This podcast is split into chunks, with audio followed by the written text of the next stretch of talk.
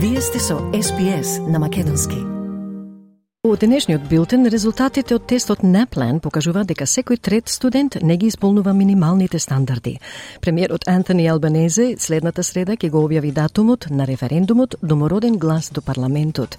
И фондацијата Бугарска меморија организирала бесплатни прегледи во Пустец Албанија, пошто македонското друштво Илинден упати повик Европската унија да реагира. Седуваат вестите на СПС со Маргарита Василева.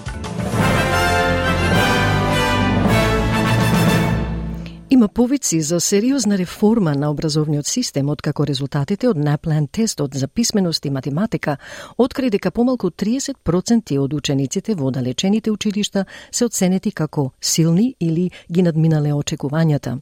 Учениците во рурална Австралија продолжуваат драстично да заостануваат зад своите градски врсници по математика и англиски студии.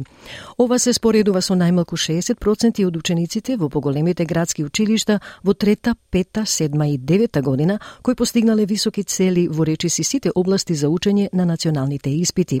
Сенаторот Мат Канаван за Каналот 9 изјави дека тековното владино финансирање не дава резултати. What we are doing is not working and it's been more than 10 years now since the so-called Gonski reforms, which massively boosted government funding of schools. Uh, the government, governments, Australian governments now spend more than $16,000 per student per year uh, in our schools. Uh, I think the question has to be asked here why don't we give that $16,000 to the parents? I reckon you could buy a pretty good education for $16,000 a year. На национално ниво беше откриено дека еден од 10 ученици од сите одделенија има потреба од дополнителна поддршка, додека во просек една третина од сите домородни ученици беа во таа категорија. Министерот за образование Джейсон Клеј вели дека резултатите од Неплен, објавени утрово, откриваат очајна слика за потребата од образовни реформи. Тој за Каналот 9 изјави дека резултатите покажуваат дека ако заостанете во трето одделение, многу е тешко да се стигне до девето одделение, што доведува до тоа некои деца да го напуштат училиштето пред последната година.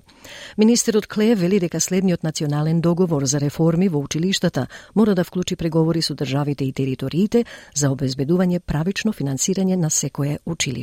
Not every school's in that situation at the moment. Non-government schools are above the, the level that David Gonski set. Public schools are below it and not on track to meet it.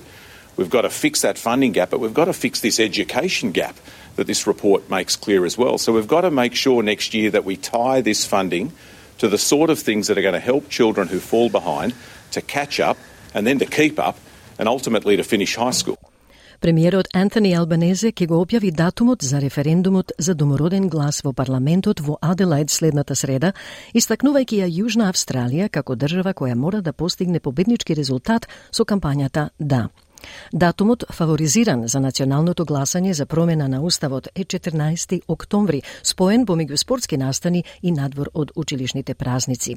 Тоа е исто така пред почетокот на влажната сезона и спречува некои домородни заедници да можат лесно да гласаат. За да успее референдумот, потребно е апсолутно мнозинство и мнозинството држави да го поддржат. Синот на поранешниот заменик даночен комесар на Австралија ќе помине најмалку една деценија зад решетки за неговата улога во измама во износ од 105 милиони долари. Адам Кранстон е осуден на 15 години затвор со 10 години безусловен отпуст, откако беше прогласен за виновен во март заедно со уште четворица за нивните улоги во шемата за плати, позната како Plutus Payroll Scheme. 36 годишниот е син на поранешниот заменик комесар за даноци Майкл Кренстен, кој во 2019 година беше ослободен од каква било вмешаност во шемата. Судијата, кој председава со случајот, Антони Пейн, вели дека мотивите на Адам Кренстен биле јасни. I find that Mr Cranston was principally motivated by financial reward in participating in the conspiracies. He received a direct financial gain of not less than $6,861,782.17 into accounts associated with him and used that money to acquire luxury homes, motor vehicles, and goods. The offences were committed not out of need but out of greed. Министерката за животна средина и води Тања Плиберсек вели дека повеќе време и дозволувањето откуп на вода ќе овозможи постигнување на целите од планот за басенот Мари Далинг. Владата вчера објави дека ќе го преработи планот за басенот Мари Далинг вреден 13 милиарди долари, создаден за да се спречат суши, продолжувајќи го рокот за враќање на 450 гигалитри вода до декември 2027 година. Ова доаѓа откако управата за басенот Мари Далинг и даде совет на владата дека планот не може да се заврши до законскиот рок во јуни 2024 година. Новиот договор меѓу федералната влада и државите и териториите на басенот во Јужна Австралија, Нов Јужен Вилс, ACT и Квинсленд исто така ќе дозволи откуп на вода, но ја исклучува Викторија. Господјата Плиберсек ќе го представи новиот закон во парламентот следниот месец, на кој му е потребна поддршка или од коалицијата или од зелените, кои моментално се противат на новиот план. I don't need the support of the New South Wales or the Victorian governments to do voluntary water buybacks. What I need is legislation passed through the federal parliament. And so the question for South Australian Liberals, the question for um, uh, the Greens is will they support that legislation in the Parliament that will allow the, the full delivery of the 450 gigalitres of water that they are focused on. Македонското друштво Илинден Тирана најостро ги осудува, како што ги нарече, произволните и крајно навредливи изјави во однос на населението во областа Мала Преспа во Албанија, како бугарско, во однос на реализирањето бесплатни здравствени прегледи во општина Пустец од Фондацијата Бугарска меморија.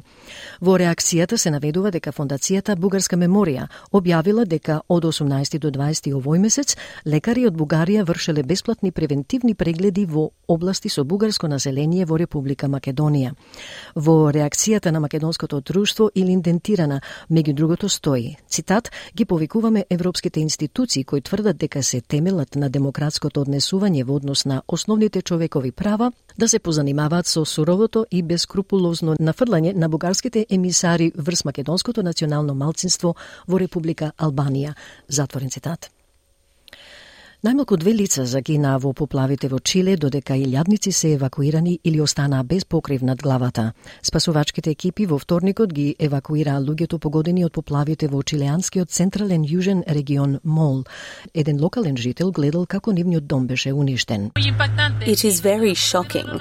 From our store we could rescue a lot of things because we had time, but not from our house. We climbed to the second floor and the water was about to reach. I hope this stops. Во погодените области спасувачките работници користеа чамци во преместувањето на луѓето во поплавените улици, каде нивото на водата во одредени области ја достигна висината на покривите.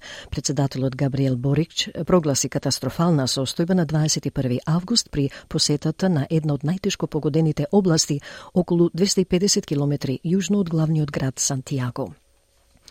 Владата на Јужна Австралија ќе плати компензација на група деца фатени во случајот со неисправни кохлеарни импланти во болницата за жени и деца во Аделајд. Државната влада вели дека ќе понуди еднократни исплати од 50.000 долари на семејствата на децата кои примиле несоодветно мапирање на кохлеарни импланти во болницата што датира од 2006 година, додека семејствата чии деца не биле недоволно мапирани ќе имаат право на 5.000 долари за претрпен стрес. Децата беа идентификувани во независен преглед кој покаже дека има долготрајни системски проблеми со услугата за кохлеарни импланти, кои датираат од пред речиси две децени при што некои детски уреди не работат правилно и голем број семејства се жалат дека ќе биле отпуштени доколку изразат загриженост. Министерот за здравство на Јужна Австралија Крис Пиктон вели дека се извинува за она што го доживеале тие семејства.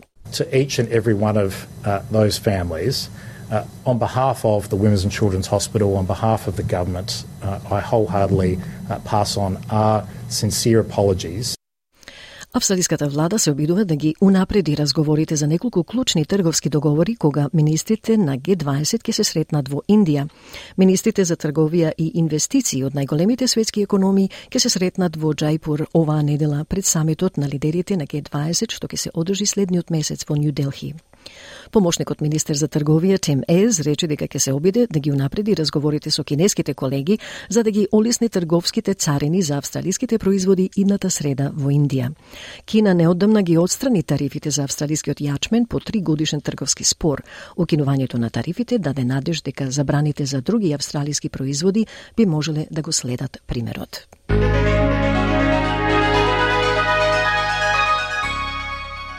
И од најновата курсна листа денеска еден австралиски долар се менува за 0,58 евра, за 0,64 американски долари и за 35,93 македонски денар, додека еден американски долар се менува за 56,09 македонски денари, а еврото за 61,08 македонски денари.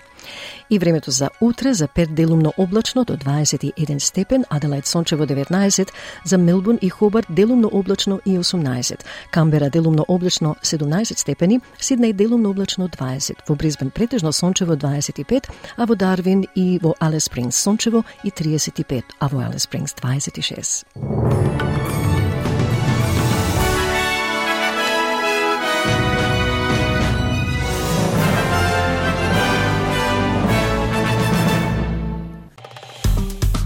Стиснете, ми се допаѓа, споделете, коментирайте. Следете ја SPS на Македонски на Facebook.